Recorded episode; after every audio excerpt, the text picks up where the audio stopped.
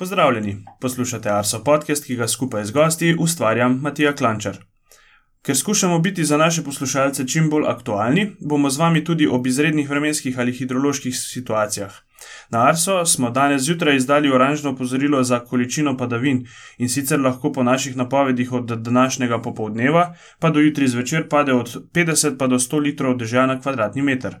Nekaj več pa bo o trenutni situaciji povedal dežurni prognostik Blaž Šter. Zdravo, Blaž. Živa. Blaž, kakšna je trenutna vremenska situacija? Ja, trenutno padavine so povsem oslabile in ponehale, nekako ta pas močnejših padavin se pomakne nad Hrvaško, vendar pričakujemo vseeno, da bo nekako ob uh, nastanku novega ciklona v južnem delu sredozemlja uh, smer vetra um, nekako obrnila na bolj jugovzhodno smer, s tem pa se bodo tudi te padavine oziroma vremenska fronta pomaknila znova čez Slovenijo. Tako da pričakujemo, da bo v večernem času najprej začelo državati na vzhodu, potem pa bo drž zajel vso državo.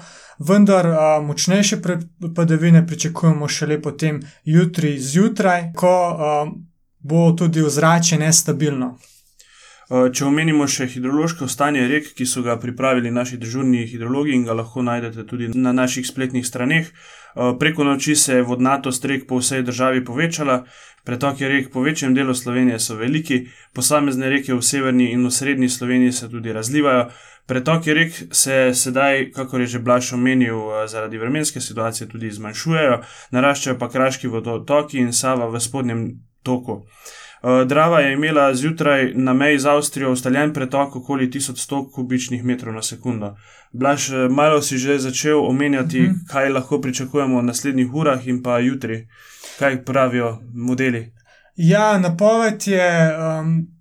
To, kar dogajanje bo dokaj burno, lahko rečemo, zlasti, recimo, um, računamo na veliko dežja, um, nekoliko zahodneje od nas, v Karnijskih Alpah, v Italiji, Um, ampak tudi pri nas um, pričakujemo mobilnejše padavine, zlasti potem uh, jutri zjutraj in dopoledne, ko bo zrače nestabilno, pričakujemo namreč, da se bo pri, tre, pri tleh ozračje precej segrelo, um, močan jugozahodni oziroma jugovzhodni veter bo zapihal, uh, tako da pričakujemo, da bodo sunki uh, južnega vetra ob morju okrog uh, 70 km/h, v višjih legah pa verjetno še nekaj več. Tako da ta kombinacija z vlažnim jugozahodnim vetrom, v višinah bo ozračje še dokaj hladno, tako da pričakujemo nestabilno atmosfero in v takem nastajajo močnejši nalivi. Ta pas uh, močnejših padavin nekako se bo selil, najprej pričakujemo več dežja.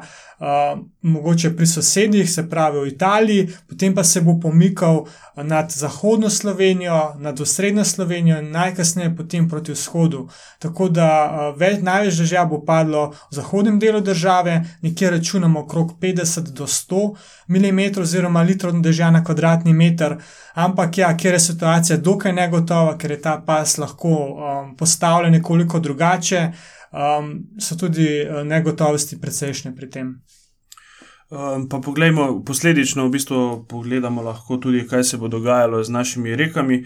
Uh, danes čez dan se bodo pretoki rek zmanjševali, zvečer pa znova začeli naraščati. Jutri se bo naraščanje vodnatosti še nadaljevalo, največji porasti bodo tako v zahodnji, osrednji in severni Sloveniji ter reke Drave.